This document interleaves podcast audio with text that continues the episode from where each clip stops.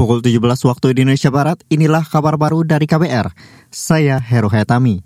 Lembaga Survei Indikator Politik Indonesia menyebut elektabilitas bakal calon presiden dari Partai Gerindra, Prabowo Subianto unggul di Provinsi Sumatera Barat ketimbang dua kandidat calon presiden lainnya, Anies Baswedan dan Ganjar Pranowo. Peneliti utama Indikator Politik Indonesia, Burhanuddin Muhtadi mengatakan, berdasarkan hasil survei bulan lalu, Prabowo Subianto unggul dengan persentase 48 persen, diikuti Anies Baswedan 40 persen dan Ganjar Pranowo sebesar 6 persen.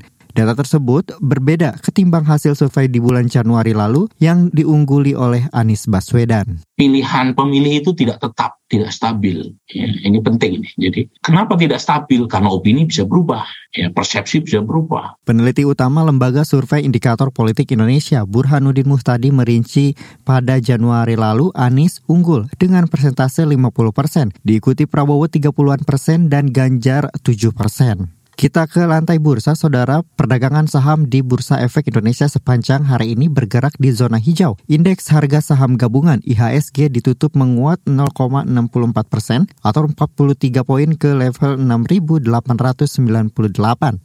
Lebih dari 290 saham menguat, 210 saham melemah, dan 230-an saham stagnan.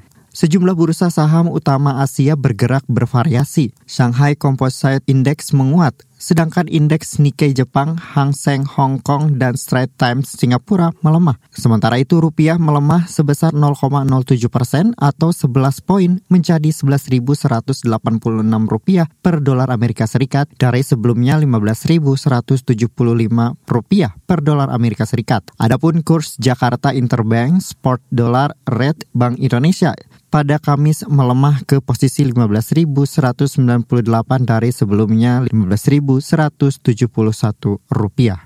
Kita ke Jawa Barat, Saudara Gubernur Ridwan Kamil mengaklaim sudah mengumpulkan sejumlah bukti permulaan yang cukup sebelum melaporkan pimpinan Pondok Pesantren Al Zaitun Panji Gumilang atas dugaan penistaan agama. Menurutnya ada banyak pernyataan Panji yang dinilai telah menodai agama. Adapun pengumpulan perbaikan bukti dilakukan oleh tim investigasi di bawah pemerintah Provinsi Jawa Barat. Semua dalam koordinasi tim investigasi Jawa Barat sebagai pengumpul fakta telah saya paparkan ke pemerintah pusat dan ditemukan fakta-fakta uh, yang menjadi sumber alasan terjadinya penetapan tersangka ini. Gubernur Jawa Barat Ridwan Kamil memastikan tetap memenuhi hak para santri atau murid untuk tetap memperoleh pendidikan. Kata dia, siang ini ada pembahasan terkait pengelolaan pesantren usai penetapan tersangka itu. Sebelumnya, kepolisian telah menetapkan Panji Gumilang sebagai tersangka penistaan agama dengan ancaman hukuman maksimal 10 tahun pidana penjara.